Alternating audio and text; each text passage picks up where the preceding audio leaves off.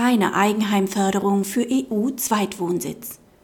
Durch die Eigenheimzulage können Objekte nicht nur im In-, sondern auch im Ausland förderbar sein.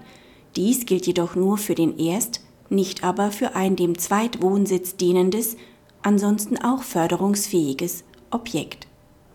Vor dem BFH streiten die Parteien, ob der Kläger die Eigenheimzulage für ein dem Grunde nach förderfähiges Objekt auf der Insel Kreta erhalten kann, wenn er dieses ohne berufliche Veranlassung etwa sechs Monate jährlich nur als Zweitwohnsitz nutzt. Ein diesbezüglicher Anspruch soll sich aus der Rechtsprechung des EuGH ergeben. Der BFH gibt der Revision des Finanzamts statt. Da das als Zweitwohnsitz genutzte Objekt nicht im Inland belegen ist, muss EU-rechtlich keine Förderung erfolgen.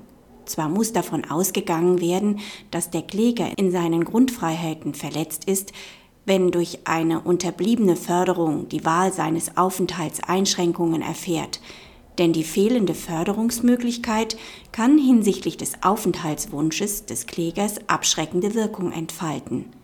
Insoweit hat eine Förderung grundsätzlich auch für im Ausland gelegene Objekte zu erfolgen. Einschränkungen der dem Grunde nach bestehenden Freiheiten sind jedoch gerechtfertigt, weil mit der Förderung des Eigenheims in Deutschland Allgemeininteressen verfolgt werden, die sich im Ausland nicht umsetzen lassen.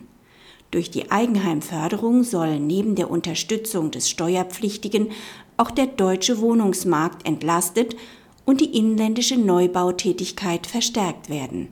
Daher ist die Ablehnung der Gewährung der Eigenheimzulage nicht zu beanstanden. Praxishinweis. Auch wenn das Eigenheimzulagegesetz zwischenzeitlich keine Bedeutung mehr hat, ist die Entscheidung für noch nicht abgeschlossene Altfälle und eventuelle zukünftige Fördermaßnahmen bedeutsam.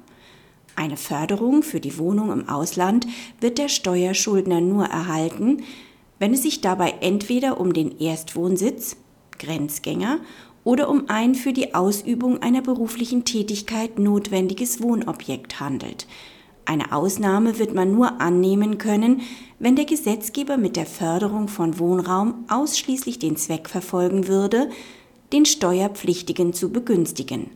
Jede auf das Inland abgestellte Investition auf konjunkturbedingte Umstände führt zum Ausschluss der Förderung für den Zweitwohnsitz.